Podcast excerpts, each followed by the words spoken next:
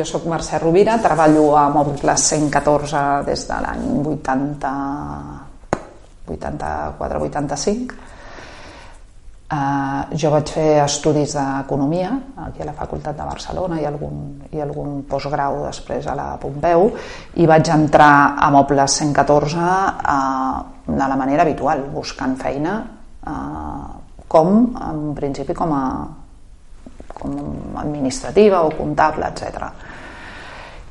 Vaig entrar a l'empresa, és una empresa que ja no, com que era de les meves, la meva potser segona o tercera feina, ja vaig veure que era una empresa una mica diferent perquè el producte ja era una mica diferent de lo que jo havia fet fins al moment. I, i bé, vaig entrar en un departament de comptabilitat. Uh, L'empresa en aquell moment potser eren unes 10 persones i bé, vaig entrar allà fent purament comptabilitat. Després Mm, ja vam fer, ja vaig passar a un estadi una mica diferent que és una, un tipus de feina que té un nom molt lleig que es diu controller però que et fa veure una, és una missió una mica més àmplia dins de la gestió d'empreses que el pura, la purament comptable perquè llavors ja comences a pensar amb els pressupostos, amb les estratègies, etc. I vaig estar fent aquesta feina de la mà del Josep Maria Tremoleda, Uh, perquè bueno, després presentaré l'empresa, ara m'estic presentant jo, eh? però de moment i vaig estar molts anys fent, fent aquesta feina. Després, més tard, ja vaig agafar la direcció general de 114, molts anys després, eh? Uh, en l'anterior etapa i finalment en aquesta última etapa, que és des del 2014, uh, després d'un sotrac que va tenir l'empresa, vam fer un canvi de propietat, etc i, i bueno, ens, hem llentit, ens vam llançar a l'aventura de quedar-nos a l'empresa, el, el meu soci actual i jo, i el Massana i el Tremoleda continuen sent socis. Això és una mica la trajectòria. Són molts anys i molts anys en la mateixa empresa. Pràcticament es pot dir que la meva carrera l'he desenvolupat aquí dins i sempre dins d'aquest àmbit més de gestió, financer, etc. I bé, una altra cosa bueno, és presentar què és Moble 114, i Moble 114, quan jo vaig entrar ja portava 10, es va fundar l'any 73, jo no, no sé exactament quin any vaig entrar, eh, però ja portava 10 o 12 anys de, de funcionament. I Moble 114 és una empresa que la van fundar el Josep Maria Massana i el Josep Maria Tremoleda, dos dissenyadors sortits de la primera promoció de l'escola Massana, Vale? Quan hi havia molt poques escoles de disseny arreu i aquí hi havia la Massana, ells van ser de la primera promoció que va sortir d'aquí. I ells van començar editant, fent el seu propi mobiliari bàsicament de llar i amb una botiga de decoració al carrer Enric Granados 114. Quan jo vaig entrar ja, ja hi havia hagut un canvi en el qual ja no només ja havia deixat de ser la botiga val? i eh, ja estaven començant a editar mobiliari d'altres dissenyadors. Uns anys més tard l'empresa, a part de fer, de, de fer productes de llar, va fer un viratge molt cap al contract i, i aquesta estratègia més o menys és la cara eh, amb diferents etapes i que ha anat evolucionant molt és el, el nostre tipus de client ara és un client de llar i un client de contract en èpoques amb més en auge uns i en, en altres èpoques uns altres. En l'època, aquest moment actual tan estrany, nosaltres la llar, per exemple, ens ha agafat molt pes, però això és una cosa puntual, perquè, bueno, si em preguntes fa un any, doncs veníem 50 i 50 a contra que 50 llar i ara estem a més de 60 de llar i, i 40 de contra. Uh, és una empresa per mi una mica peculiar perquè les empreses que van néixer en aquella època i, i més aquesta de la mà de dissenyadors es va incorporant producte al catàleg molt eh, amb una preferència del dissenyador de dir aquest producte m'agrada i fins bastant més tard no incorporant una estratègia empresarial que crec que la necessiten, es necessita per mantenir una empresa. És veritat que van haver-hi anys molt bons i que, com qui diu, es venia tot i, i tot era novetat. Ara, des de fa ja bastants anys, la competència és ferotge i costa molt. Uh, I una empresa com la nostra, que tenia, en un moment donat va tenir moltes tipologies diferents de producte, um, és a dir, fèiem de tot, fèiem sèries de bany, fèiem llums, vam tenir una època fèiem il·luminació, de tot dos o tres peces, no? Un catàleg molt ampli, i, i de sèries de bany, dues sèries de bany. I unes manetes de porta que, perquè les va fer el CISA.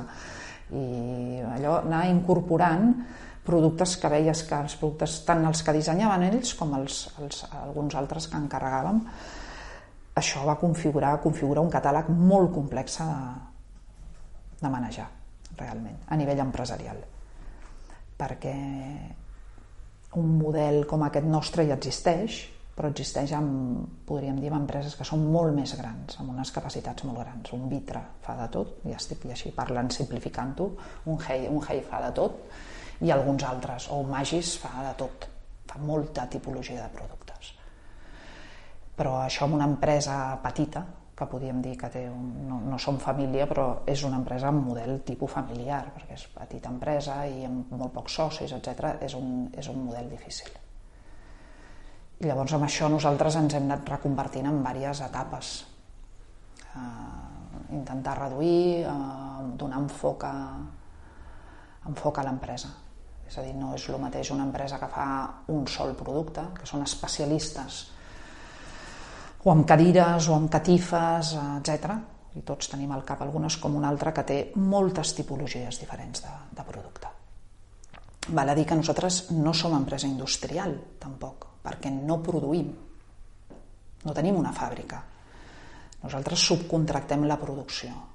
Uh, subcontractar la producció uh, et dona l'avantatge la, de que pots fer molts diferents productes amb diferents tecnologies, però, però bueno, tampoc no tens un control tan directe. És un altre tipus de, de, de, de, de gestió molt diferent.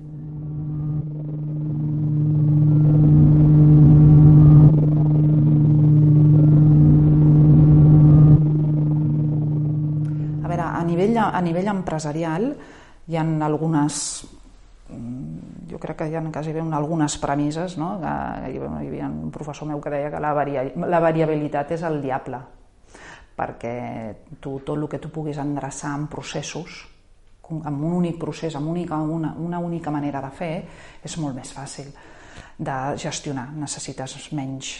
És a dir, si nosaltres fem eh, un producte Mm, a veure, si, si fem un producte que és molt personalitzable pel client, necessites un tipus d'estructura. Si fas un producte que, que, que és un únic codi, és a dir, i tu compres aquell codi, el subcontractes i t'arriba el codi, aquest doncs és, un altre, és, un altre, és un altre sistema.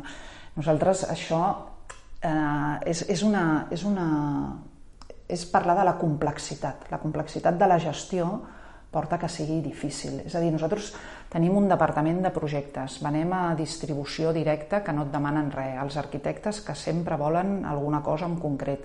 Això a tu et suposa tenir una estructura molt diferent, perquè cada cosa té un procés diferent. Si sempre fas el mateix procés és més fàcil. I una altra cosa és el volum.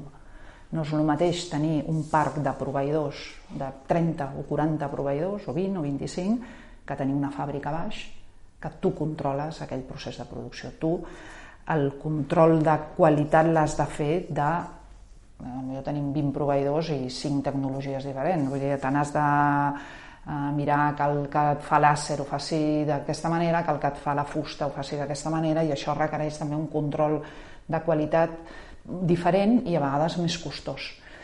També et permet, i té un avantatge, eh?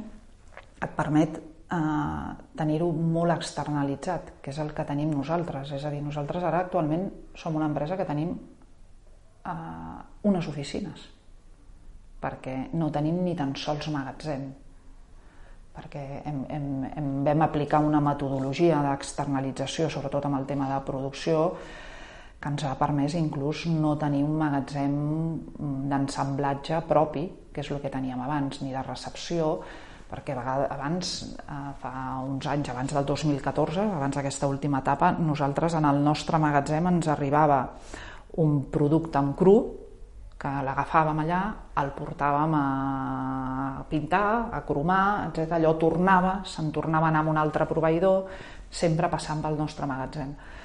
Nosaltres, aplicant una metodologia que també és molt coneguda, que és el Lean Manufacturing, eh, el que hem fet és, escolta'm, el proveïdor que em fa l'últim de tots dels processos, que sigui ell el que es vagi encarregant dels processos anteriors.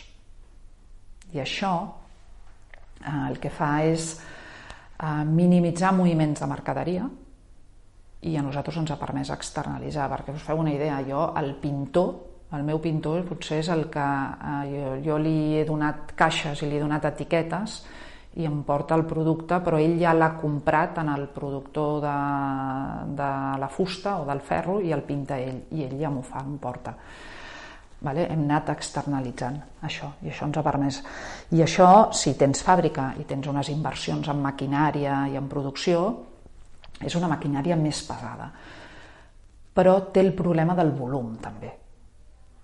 És a dir, quan tu fas un catàleg molt diferent, un catàleg amb moltes tecnologies, eh, o ets molt gran i vens molt de molta cosa o sempre ets un client relativament petit per aquest proveïdor. I això és el que passa, bàsicament. No tens la força de dir, no, és que jo faig eh, 10.000 mm, cadires d'aquest model. No. Si tu tens la fàbrica, faràs 10.000 cadires d'aquest model i presentaràs aquesta cadira i apretaràs aquesta cadira. Això és un problema. I l'altre problema és com et veu la gent a tu com et veu el client. És a dir, a 114 com el veu la gent? El veu un... Si nosaltres això ho hem preguntat durant els anys i hi ha gent que ens veu com un dels nostres productes, perquè només en coneix un, i ens veu com els que fem la tria, hi ha gent, en canvi, quan anem amb un, amb, un, amb algun altre client de contra que en diu no, no, sou els que feu les biblioteques. A veure, Eh, eh, els altres ens diuen no, no bueno, feu, tenim una taula que funciona molt bé i la tenim eh, bueno, es ven bé aquesta, la taula pell i no, feu un mobiliari d'oficina. Mm, això és molt difícil perquè això té la dificultat de com ho comuniques. Comunicar això també és molt més costós a nivell econòmic que comunicar una única cosa. Nosaltres hem de comunicar per tres o quatre eh, sectors diferents o sigui, amb tot et genera molta diversificació. Uh, a priori també sembla que si diversifiques una mica tens menys risc amb les coses, també, però la, però la complexitat existeix. I això és un hàndicap. Però nosaltres eh, a l'ADN ho portàvem així, hem fet diferents reconversions de catàleg i ara potser hem arribat a un tamany de catàleg que dius, bueno, fem prestatgeries, fem seients i fem complements i, i fem taules. Això almenys endreça. Llavors, algú que... I dins de complements, que ja és un capítol una mica més ampli, doncs intentar anar fent profunditat de gamma amb cada tipologia de producte perquè el client et reconegui. Perquè, és a dir, si algú busca un penjador, si en tenim 5 o 6, o 5 o 6 models diferents, pensarà en 114. Si en tens un, que és el que va passar molt al principi, teníem un penjador, una cadira, una taula. És molt difícil que algú et vegi ara, eh? en, en aquest moment i des de fa 10 anys, eh? potser, o abans potser no, perquè bueno, era diferent. Era, uh, és de disseny, i llavors ja està, ho tinc perquè... Però és que ara no, tothom té el disseny, en un nivell o altre tothom té el disseny incorporat en la, en la, en la, l'empresa d'alguna manera. Llavors eh, tu t'has de fer, t'has de mostrar i tenir, tenir mm, profunditat de gamma a cada tipologia. I si tens cinc tipologies, alimentar aquestes tipologies cada any, perquè cada any vols treure un producte nou, però de què el trec? De quin el trec? El trec de la dels penjadors, el trec de la, de la taula, el trec... Faig taules, faig... Ho, ho anem fent i, de, i depèn de la capacitat que tinguis, pots tenir capacitat per fer-ho de tot. En el nostre cas, mm, no. no, no, no som una gran empresa per poder fer això. Llavors, bueno, ens ha anat prou bé, ens, hem, ens hem anat sortint, però té, eh, té dificultats. Nosaltres cap a l'any 2000 vam fer un primer replegament clarament eh, deixant de ser perquè era molt llarg, tot i que el nostre producte sempre ha sigut polivalent, eh, veníem a la distribució que hi havia abans, quan diem distribució, que eren les botigues de llar. I veníem a això. I vam fer un, un replegament i una orientació més cap al contract. I això va significar eliminar tota una sèrie de col·leccions que ens portaven molta complexitat productiva, molta eh, sí, complexitat productiva i mm, al final baix rendiment, com van ser les sèries de bany. En aquell moment van començar a aparèixer sèries, eh, especialistes en sèries de bany amb, amb, amb, un, amb disseny i amb, bueno, van aparèixer, bueno, no sé, eh, ara jo no em sé noms, però bueno, recordo el Còsmic, el, tot el, bueno, tothom, i era una empresa que feia 12 sèries de bany i que totes tenien nom d'autor i que, o algunes, i estaven molt bé, dius, és que no podré competir amb ells. Llavors, eh, vam fer una reducció d'aquestes col·leccions que a més eren molt complexes de produir amb les quantitats que nosaltres les fèiem i vam deixar de fer il·luminació. Perquè nosaltres va haver un moment que la col·lecció teníem un llum clàssic com el Gira, que és de Massana i Tremoleda, teníem una llum del Lluís Porqueres, Uh, teníem la Claris, havíem tingut una llum del, del Mora, bueno, la Romana, havíem tingut tres o quatre o cinc llums diferents. Vam veure que el món de la il·luminació és un món que també estava avançant molt ràpidament i havies de ser molt especialista, perquè necessites la teva normativa, la teva... I és això, llavors vam suprimir tot això ja. Llavors ja vam anar cap a endreçar, endreçar el catàleg amb una reducció de tipologies i això ho vam fer cap als anys dos, a primers dels 2000 i quan vam fer la, aquesta etapa ja que estàvem aquí eh, en, la, en la nova etapa com més com de propietaris, diguem-ho així, encara vam anar endreçant i reduint una miqueta més el catàleg perquè també estàvem fent, fèiem bancs. Vam fer, teníem dos o tres bancs. Teníem un banc eh, de l'Enzo Mari. Vam tenir un banc de l'Enzo Mari que era una preciositat de banc però a veure, tu no tens un canal d'Urbana per anar a vendre un banc.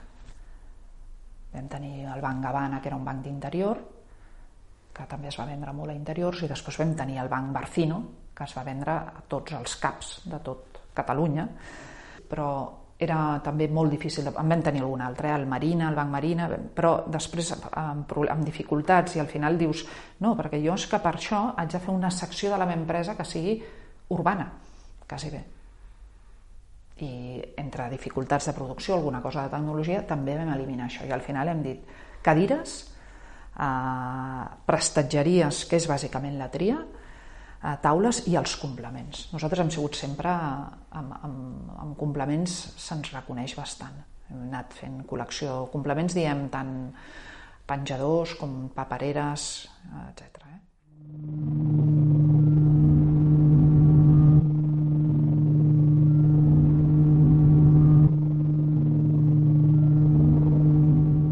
Els clàssics apareixen una mica abans, però tal com els veiem ara sí que hi ha una, una, una voluntat molt de separar-los. Ja havíem fet eh, algun catàleg de clàssics per ser separat en l'etapa anterior, eh? però els clàssics és una, una vocació de l'empresa sempre d'estar, perquè sempre ho ha estat al llarg de, tot, de tota la història de l'empresa, molt en contacte molt directe amb el món cultural també. Molt. Llavors eh, la recuperació dels clàssics no és un negoci, ho haig de dir així, vull dir, no és, un, no és, un, no és una cosa que ens porti un rendiment econòmic, però ho volem fer perquè ens agrada fer-ho i perquè pensem que va dins de l'ADN de l'empresa el continuar mantenint això com, com a reeditar productes que han tingut un significat eh, eh, important eh, o, o en tenen alguna característica especial en la història del disseny. I de clàssics n'hem fet de dos tipus, clàssics molt antics, com ara l última taula que hem tret del Josep Maria Jorojol, que era un disseny del 20, de l'any dels anys 20, després les dos butaques, tant la Torre Esclaver com la catalana, que podríem dir que són dels 30 i pico, 40, i després tenim una petita col·lecció d'objectes ja dels anys 60, com dels clàssics del Milà, el Ricard, l'André Ricard, etc. I bé, això és una cosa que ens agrada molt fer-ho, ens agrada molt fer-ho. Ens, ens reporta, jo crec, una satisfacció, un contacte un, i jo crec que un, un reconeixement, perquè és veritat que se'ns reconeix per això. I no deixa de ser també, en el fons, una, una eina de màrqueting, també sigui, s'ha de mirar les dues vessants, perquè realment comuniquen, comuniquen molt, són productes que tenen història i comuniquen. I, la, i llavors la gent ens reconeix per fer això.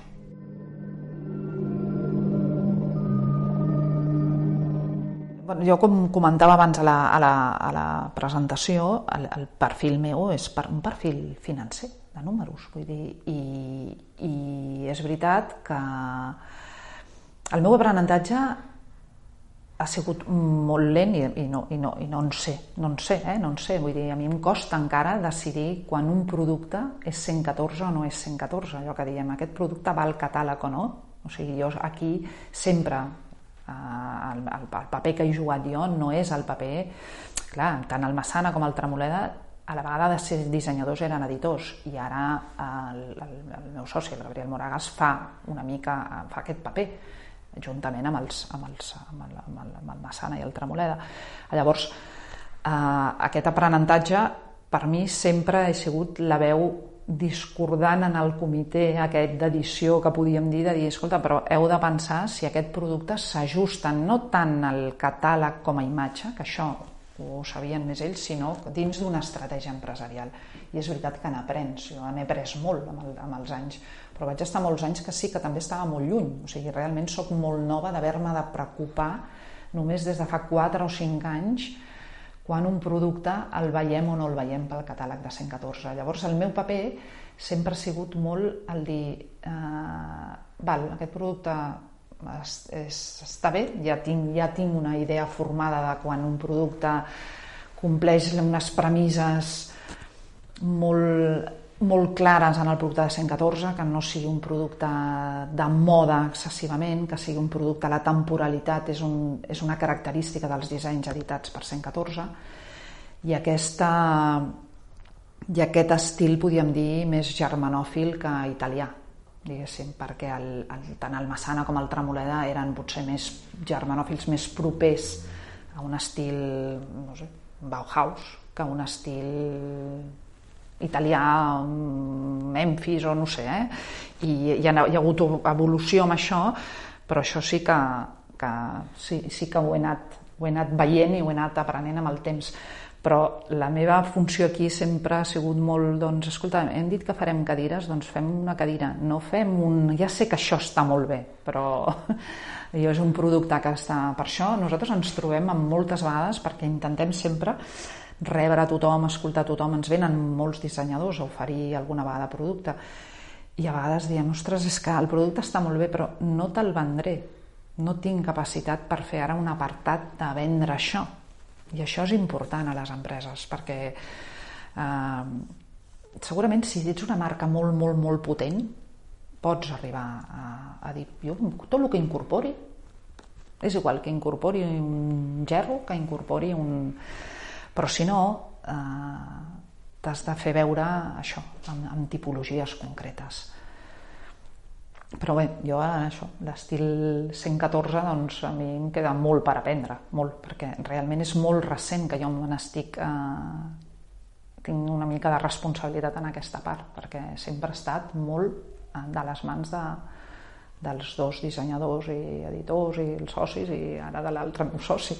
Jo a vegades eh, és la subjectivitat que a vegades es tractaven les coses, és a dir, clar, jo era la part, sóc la part més racional, diguéssim, perquè és la part més de números, i a vegades una cosa que ells veien claríssim que allò no funcionaria i tu deies, jo per paràmetres econòmiques això ha de funcionar. I és una empresa que sempre m'ha anat més l'altre que això. I segurament és part de l'èxit, I jo m'hi he adaptat, però com que m'hi he adaptat amb un procés molt llarg, no, no, hi, ha, no hi ha hagut res que ah, potser molt al principi em podia sorprendre, però, però no, no hi ha hagut allà una anècdota de dir, escolta'm, aquesta, hem d'editar això i això no, no és un producte... No, no l'he tinguda, perquè jo crec que ja m'he anat empapant lentament de, de la, de la... I a més, ha sigut un model d'èxit. Vull dir que no tan malament no, no, no... És veritat que tu has d'anar fent, marcant una mica de línia, però eh, ha sigut un model que ha funcionat. Llavors, la confiança amb els que estan fent aquesta feina, l'edició, que és el cor de l'empresa, l'edició i la producció.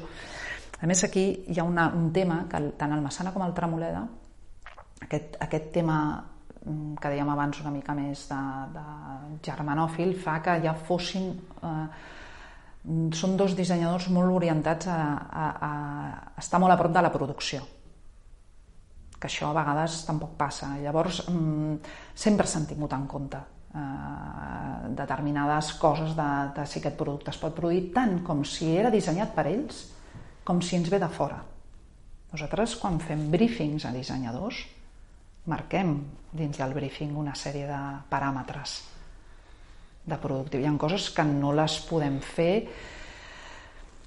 Ara, quan s'encarrega un disseny, hi ha dues coses importants, sobretot el, el tema de l'ecodisseny, que tot i que vam tenir en algun moment la certificació, i el tema del lean manufacturing, que sigui un, un, un producte que es pugui treballar amb un sistema lean.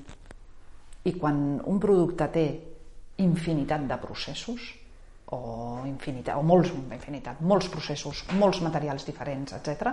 és un producte que ja no és pel nostre catàleg. Independentment que el resultat podries dir sí.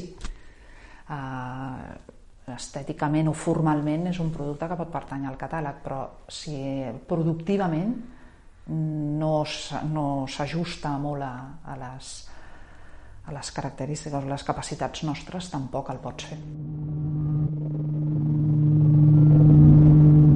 El procés seria el següent. Nosaltres tenim les tipologies i considerem que en algun moment alguna o eh, hem de fer la novetat de l'any o les novetats de l'any i diem, bueno, què convé més empresarialment? Escolta'm, tu, els penjadors ens estan anant molt bé, però si en tinguéssim un d'una tipologia una mica diferent, no sé, nosaltres tenim tres o quatre penjadors que diem de pal, doncs un penjador de gran capacitat o d'un altre material però dins la línia.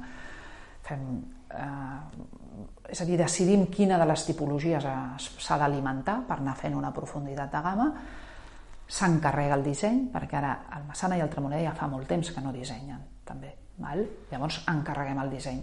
L'encàrrec del, del disseny va amb un briefing i també s'escullen uns dissenyadors que des d'aquí s'ha mirat si el producte que fan eh, és un producte que sigui interessant, etc etc i eh, es fa un briefing. Llavors es fa un briefing eh, moltes vegades eh, i depèn dels dissenyadors els dissenyadors treballen conjuntament amb, amb, amb, el, amb ells des de, dins la casa eh, es deixen a vegades d'aconsellar o variar una mica el disseny per un tema productiu perquè de dissenys n'hi de, de dissenyadors n'hi ha eh, de molts estils diferents uns que et poden portar un dibuix i diguem això i si pel que sigui tu allò ho veus possible i dius, vale, perfecte, ho, ho assumim, i en canvi hi ha dissenyadors que saben molt de producció, que els hi has fet el briefing i ho entenen molt bé i ja venen amb un, amb un disseny que, bueno, que ja, ja perfectament s'acull.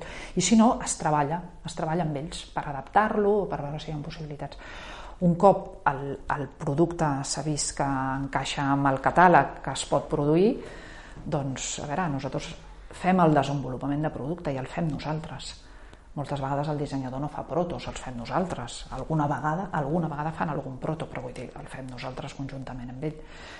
I s'incorpora un catàleg, s'estudia a quins mercats i a quins sectors nosaltres podem vendre això, si és un producte de llar, si és un producte de llar i, i de, llar de, de llar i de contract, en tenim molts també de productes que poden anar en els dos tipus de mercat. Uh, bueno, un producte, a vegades hi ha encàrrecs de dir, escolta, hem de fer una cadira, però ara hem de fer una cadira d'un preu més baix, perquè la volem posar en el sector del contract.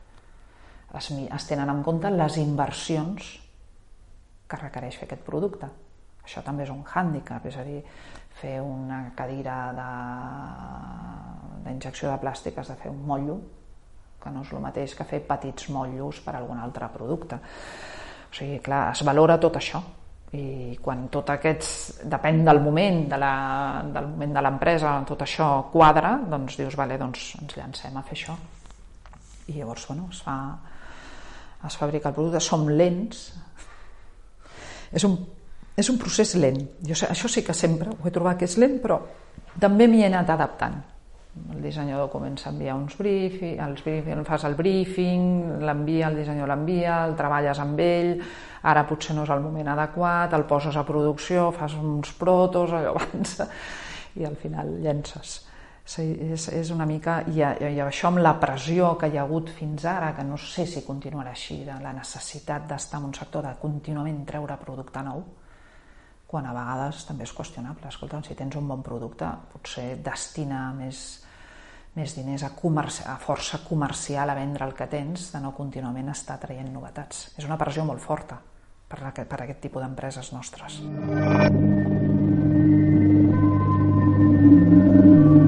El mercat posa pressió a les empreses nostres a contínuament estar presentant novetats, perquè sembla que tot es crema molt ràpid.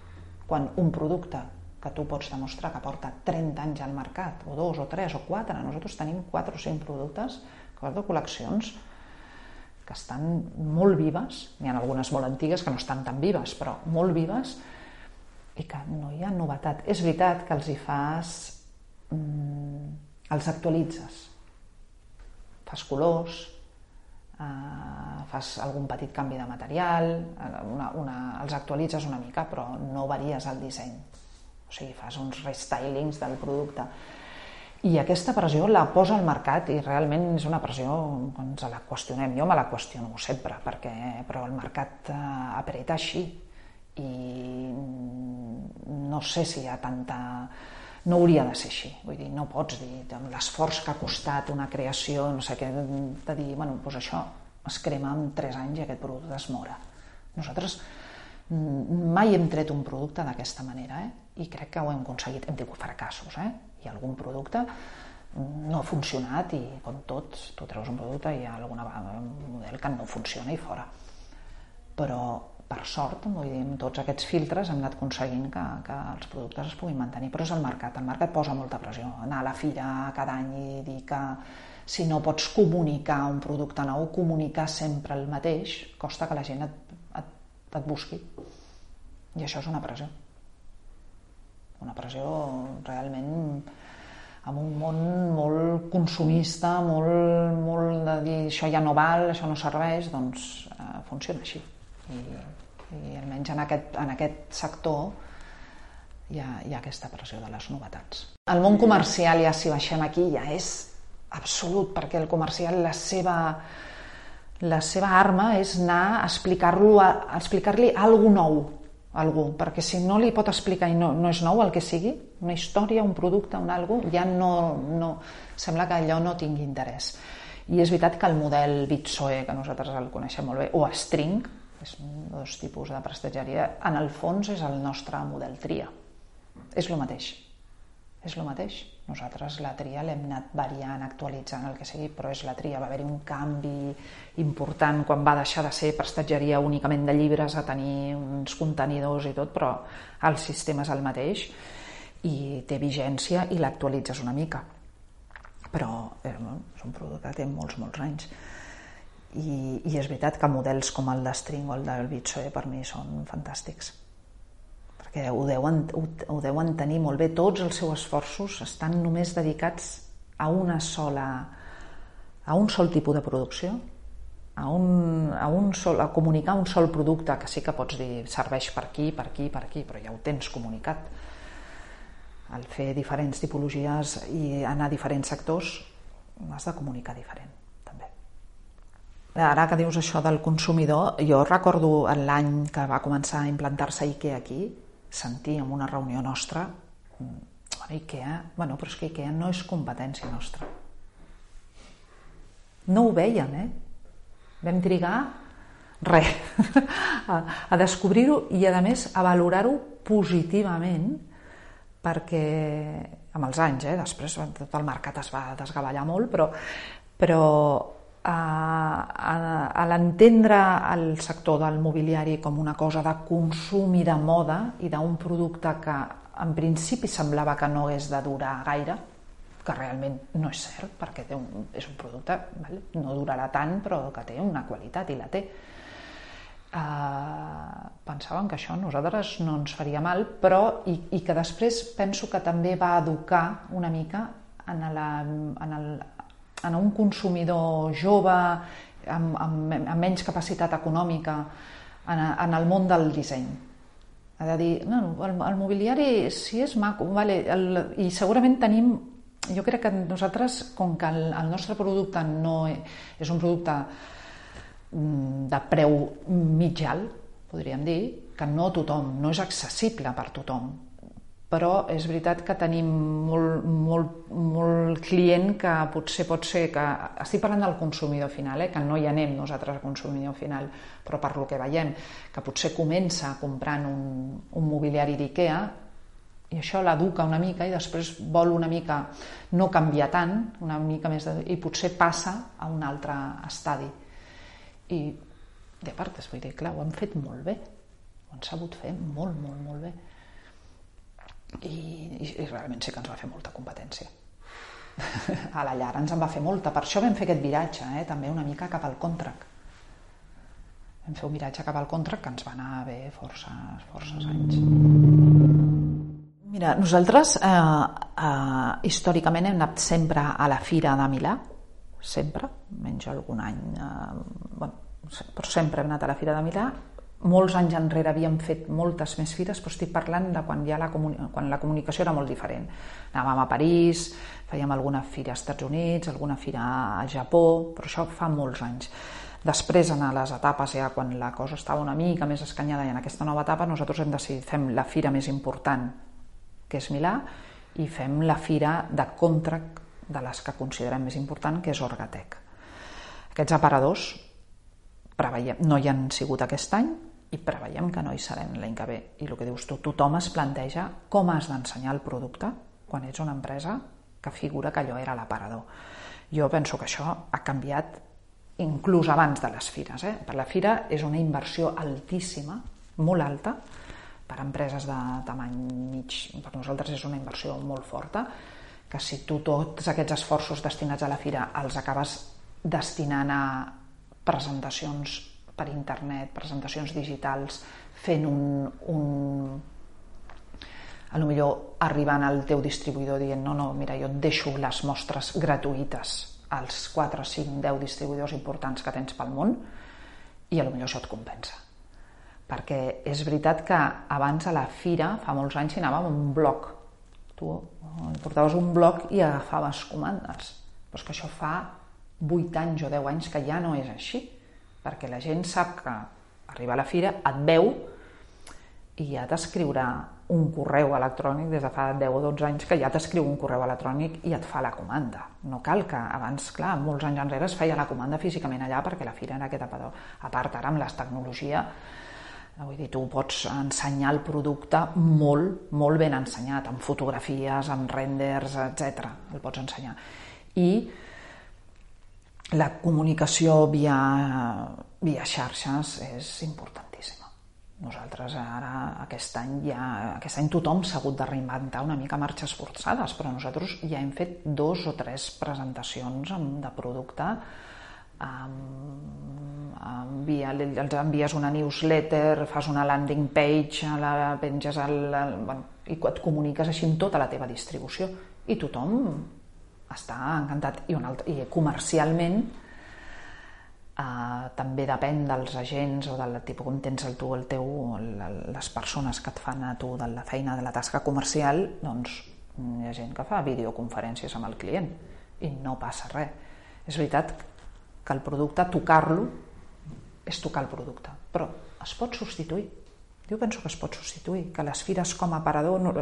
Jo, per exemple, a Milà, al final, era tan espectacle que tampoc no era això. Vull dir, és veritat que si tu vas a Milà i ets una empresa que no tens la capacitat de tenir una xarxa comercial estesa al tot el món, com nosaltres, exportem a molts països, eh?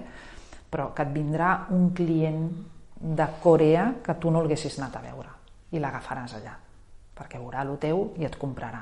I tu no hi has anat, o un d'Austràlia. Dic jo, va dir llocs bueno, en el nostre cas ja el teníem, eh? un client d'Austràlia i un de Corea, però vull dir és veritat, et pot arribar si, si és una fira que saps que hi ve tothom que és el que diuen que passa a Milà, que ve tothom doncs bé, sí. Però jo penso que ho haurem de substituir i jo crec que som capaços de fer-ho. Som capaços. I, no, i, i penso que la inversió és massa alta és massa alta pel rendiment. Sempre ens ho qüestionàvem, eh? Ja últimament de dir, ostres, hem de pagar aquesta quantitat de diners per anar fira. Quan després dius, si m'han vist, clar, tu pots comptar les visites i dius, bueno, no sé, són tantes, són poques, perquè eh, al final eh, clients que m'han comprat per venir a aquesta fira, potser me n'han comprat més el dia que vaig fer una, una bona news dient que fem penjadors i la vaig enviar a, a tota la meva distribució. Podem, pots arribar a estar-te molts diners fent-ho bé, vull dir, clar, has de fer Google Ads, has de posicionar-te a internet ben posicionat, t'han de veure, però es nota molt. Nosaltres hem fet coses, molt poques coses a petita escala i han funcionat han funcionat molt bé, estem com molt contents. Tu, tu, o sigui, nosaltres estem alimentant els nostres comercials de gent que per xarxes s'ha mostrat interessada eh, del nostre producte i tu això ho derives al comercial, el comercial li diu escolta, tu t'has mostrat interessat en això, vols una mica més o no? Això està substituint el viatge i està substituint una mica les fires. I després, a la que algú et demana de dir un petit showroom, mostres, doncs està més disposat a cedir el producte perquè la gent el pugui veure. A Milà jo recordo la gent agotada, morta, saturada, tots que quan arriben a l'estant diuen no puc més, deixa'm seure, vull dir, aquell empatx monumental, perquè allò és una, una fira tan gran que la gent ja diu no, jo ja vinc i poso els 20 o 25 que vull veure perquè no la puc veure tota. I és veritat que Milà, Milà el Fori Salone doncs, tenia, té el seu interès, el té, en posar la ciutat, jo he vist coses molt xules, a, a Milà, fora del saló del moble. Però això és una activitat eh, cultural que la, la ciutat ho ha sabut fer bastant bé. I, bueno, però, però és veritat que això també està derivant, perquè això el Covid s'ho ha carregat. El que passa que aquí hi ha molts lobbies, molta pressió, perquè eh, si Milà no es fa, la ciutat, la ciutat de Milà perd segurament la, fe, la font d'ingressos principal perquè la ciutat de Milà estava 20 dies o, o, o jo què sé, o tot un any preparant això, sempre. Llavors hi ha molta pressió. I una altra cosa és que la pressió pròpia que et fas entre nosaltres, clar, ens parlem entre la gent del sector i diem, però si es fa hi aniràs. I llavors és allò, bueno, és que al final hi anirà tothom. Nosaltres vam estar a Moble 114 quan vam fer aquest impàs de, de, ser, de ser nosaltres abans l'altra empresa, que l'empresa va fer concurs, vam estar l'últim any que no vam anar a Milà. Dos anys, de tota la història no hem anat a Milà, dos anys vam estar sense anar-hi. Quan vam aparèixer a Milà, hi havia gent que ens deia és que ens pensava que havíeu tancat, que 114 havia tancat. Estem molt contents, no havíeu tancat, no havíeu tancat, perquè la capacitat de comunicació era una altra. Però ara no cal que vagis a una fira perquè, perquè tu pots comunicar de moltes maneres. Llavors, bueno, és un show, és un festival. Bueno. A veure, la, el model de fires és un model de l'any... Bueno, és un model mitjaval. A veure, si ens entenem, el model de fires, en el fons, es feia perquè, perquè era l'única manera. Ara, si hi ha altres maneres, el que tu et, et dona a entendre és que es vol mantenir l'antiga perquè hi ha interessos econòmics, però no perquè sigui potser la més adequada. Ara, el que dèiem, la pressió del mercat, si al final tots els teus competidors hi estan anant, sempre has de prendre aquesta decisió de dir és que potser no hi seré. La moda és molt arriscada i, i el, que, el que sí que nosaltres hem procurat, i sobretot amb aquesta nova etapa, una mica vingut donat també per la necessitat econòmica, però penso que per econòmica i també per el, el obrint-nos molt a, a fora. És a dir, abans era una empresa que havia de tenir el departament de, de màrqueting, sobretot si parlant en quant a la comunicació, eh? amb altres també, però que tots érem de la casa. I quan tu ets de la casa, i fa 15 anys que ets de la casa, o 20 anys o 10, estàs enquilosat i això, en canvi, nosaltres aquí hem fet molta subcontractació també. Nosaltres les xarxes ens les porten una gent de fora. La pre bueno, premsa és evident, però aquesta, aquest tamany també petit i, i ho fas per no agafar l'astre a l'empresa, també, eh? per no agafar gent en plantilla, però que t'ha de donar una flexibilitat d'anar a subcontractar perquè, per què? Perquè són especialistes en lo seu i et dona aire fresc. A veure, nosaltres eh, ara farà riure això, però clar, el Massanet i el Tremoleda tenen 70 anys, però el Gabriel i jo anem cap als 60. A veure, no som una generació jove tampoc.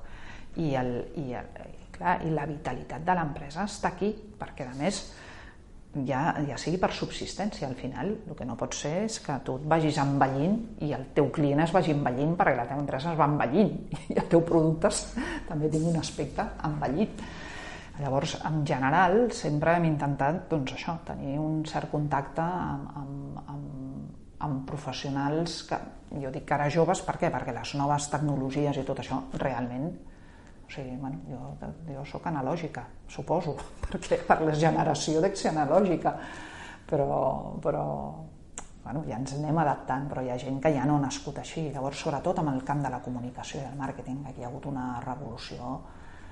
I, en canvi, el que dèiem, les fires sembla que siguin una cosa sagrada, una vaca sagrada, doncs jo no ho sé, jo no hi estic molt d'acord. Ara, no dic, no, no, no dic que no farem, ni no, no ho sabem, eh? però que sí que veig que hem de ser capaços això de reconvertir-ho i de, i de, i de modernitzar-nos a tot el sector. Eh? Nosaltres hem tingut aquí els Industrial Facility, aquí a casa, i ja vam veure que no ens entendríem va ser un dia que van venir aquí, se'n van anar a Santa Icole, Santa Icole, Santa Llum, però... A veure si ens entenem. No, no, no, no perquè si tu és una gent que ja veus que no podràs ja no entraran a la teva manera de fer, ja no hi pots treballar. I ara estem treballant amb un parell de dissenyadors i bueno, amb algun, no sé, un dissenyador conegut que, que bueno, és igual, no vull dir perquè si no surt, però de, de, de, ja, ja tenen un cert nom i el veus a Milà, t'asseus amb ell en una terrassa, el veus, li expliques qui som, li, li expliques tal qual, perquè nosaltres és el que dieu, no pots mentir, perquè no, no mentir, o fer veure que ets el que no ets, perquè és igual, això no porta mai, mai en lloc, mai. I de dir, vale, doncs fas un producte, vale, i fer-te un producte, i que no t'agradi, o que vegis que no, i que ell ha treballat, si tu això no hi ha ben bona entesa, és que és molt difícil. I això ens ha passat, i després tu parles amb ell, i no sé què, cap problema. I tu veus que la gent, ostres, tu amb aquesta persona ja hi podràs treballar, ja pots establir una relació de... de... I això és important. I amb els dissenyadors també, eh? ens passa això. O sigui,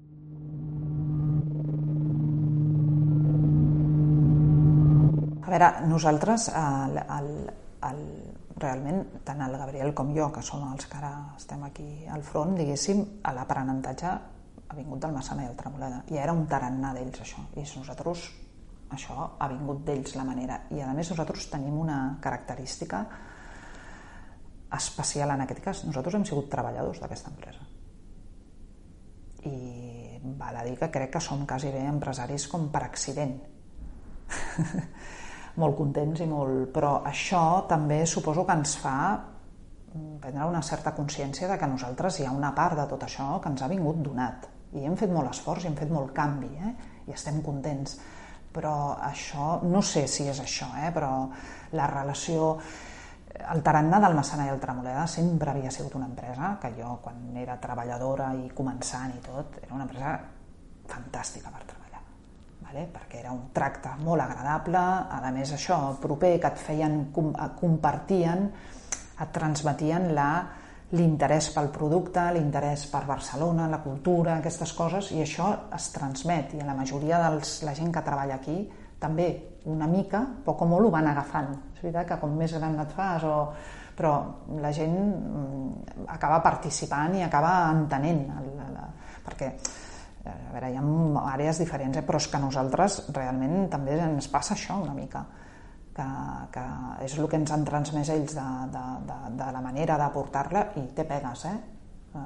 ens costa molt, a mi em costa molt segons quines decisions difícils has de prendre d'empresari complicat, en èpoques dolentes o el que sigui, a nosaltres ens costa però és veritat que hi ha proximitat molta i, i el fet de que estiguem molt vinculats a, aquí a, la, a Barcelona o, o al país o com vulguem dir-li perquè nosaltres és que a més tota la producció la fem aquí.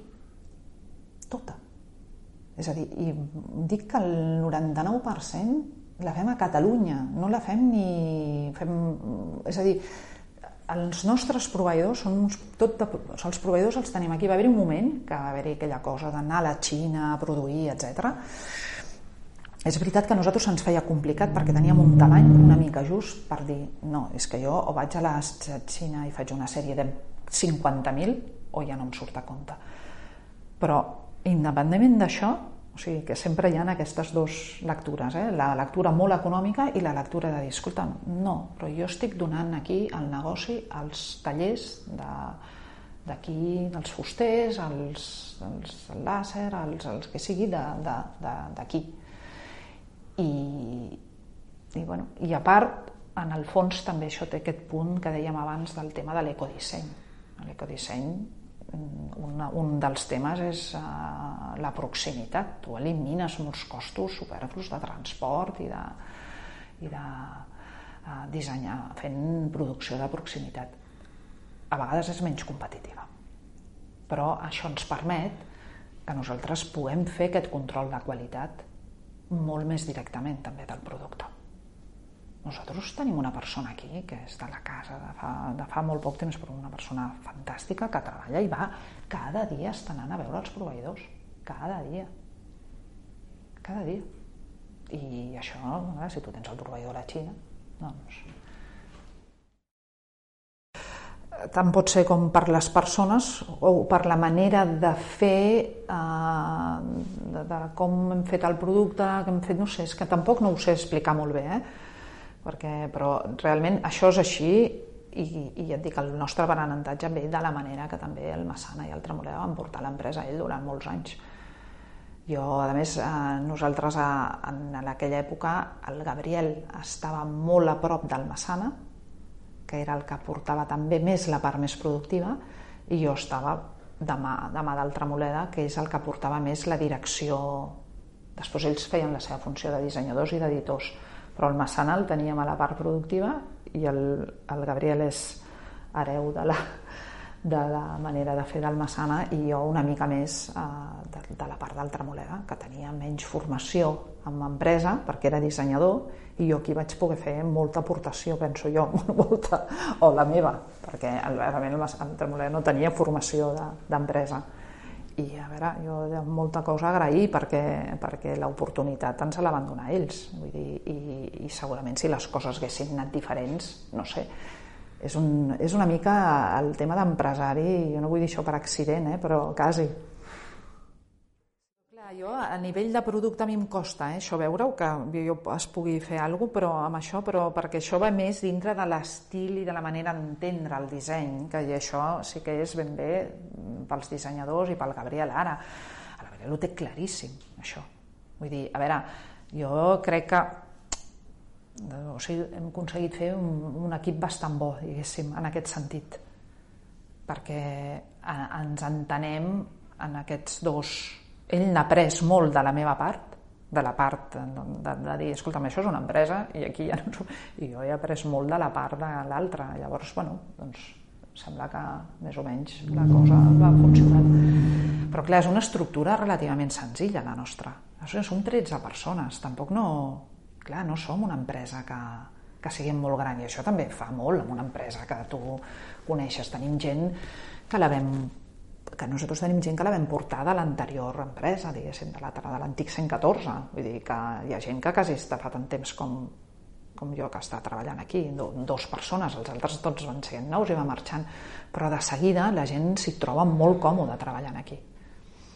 Però bueno, no sé. I mira, aquest matí he vingut al Massana.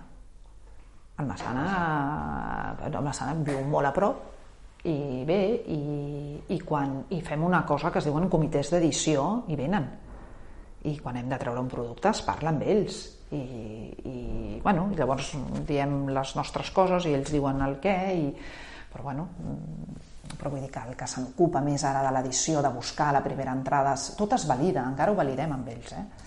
però, però sabem que, bueno, que, la, que la decisió la tenim nosaltres. I en aquest cas més del producte en el fons ho decideix més el Gabriel no sé que estigui fent una, una aberració econòmica que no el deixo però, però és molt comú, i això sí que potser ho reconec, molt comú que la gent que té molt al cap els números tingui un cert no sé, no, no, no despreci és molt lleig, és una paraula molt forta, però un cert que no s'entén l'altre i no va enlloc l'altre. No, a mi, eh, clar, però això sí que és personal meu, és el contrari. A mi segurament eh, m'agradaria haver sabut fer coses amb les mans o crear alguna cosa, i no. I llavors, però clar, això és una cosa personal. Llavors, tot, tot aquest camp ja m'apassiona per si. Una altra cosa és que no en sàpiga gens, però no en sé, però bueno però no vol dir, i clar, i a més ho respecto, però molt, molt. I, i, bueno, i el de l'ADI jo vaig pensar, mare meva, bueno, dic, sort que m'han posat de tresorera, perquè almenys aquí almenys tenen una funció clara, que no, que no... Jo, que tinc molts col·legues meus, molts companys, perquè clar, tots veniu de, de la facultat, el que sigui, clar, que tots són de números, que dic jo. I és veritat que no tots, però amb molts ja sóc jo un, una rara avis allà. Sí, perquè tu gens, no sé, valoren les coses amb uns termes que jo ja no, no hi entro. Jo crec que hi ha alguna cosa aquí que, que és veritat, eh? que, que, que no funciona així. Ara, que tu dius porta una empresa i haig de... ha d'haver-hi les dues potes, segur. Per tenir una empresa, per muntar un negoci, s'ha de tenir el cap una mica a les dues bandes. Te'n surts, eh? Segurament tant d'una com de l'altra te'n surts, perquè, però, però, bueno, però és, és una cosa que penso que és bona. m'agrada el món de la decoració, m'agrada el món del moble, això, però és, i l'estètica en si, les coses, i els objectes m'agraden molt. M'agrada l'objecte, m'agrada... És veritat, eh? jo en algun moment em vaig plantejar que no sé per què havia fet, vaig fer aquests estudis, però bueno, sí, això, és, això sí que m'ho he plantejat a vegades.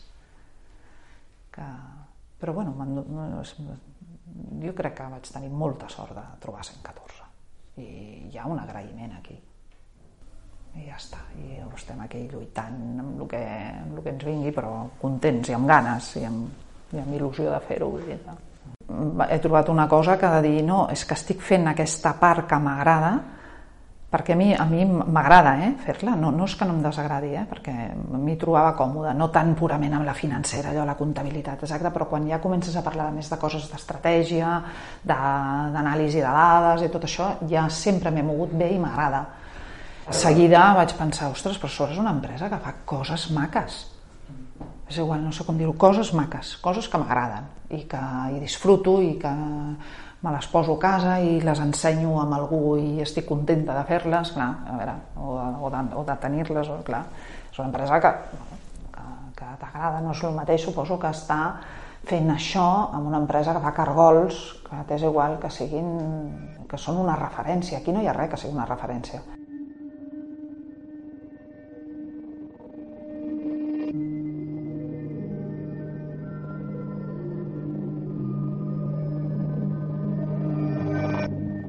El meu home és uh, economista i és el perfil que he definit abans.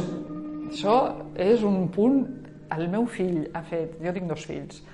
Un, uh, tots dos han anat per estudis econòmics. Però a sobre són una negació. Diguéssim, en fer res amb les mans, amb apreciar Uh, l'activitat cultural general com el teatre, a mi m'agrada moltíssim el teatre, el cine, la pintura, perquè el meu pare pintava i també m'agrada molt, per exemple, la pintura, molt, i bueno, és allò, haig d'anar arrossegant, arrossegant per intentar que entenguin una mica el món cultural, no? Convivim perfectament, eh? però res, és a dir, no, no, no, ni han estudiat disseny ni cap, jo pensava, ostres, algú no podria fer alguna d'arquitectura, de disseny o de producte o alguna perquè... I parles diferents el, el meu home, quan vaig entrar a 114, un dia li, deia, li preguntava a algú, la teva dona on treballa? Diu, no, treballa en una empresa que els mobles li posen nom. Va dir això. Com volien dir, els mobles tenen nom? I va dir, ja està clar.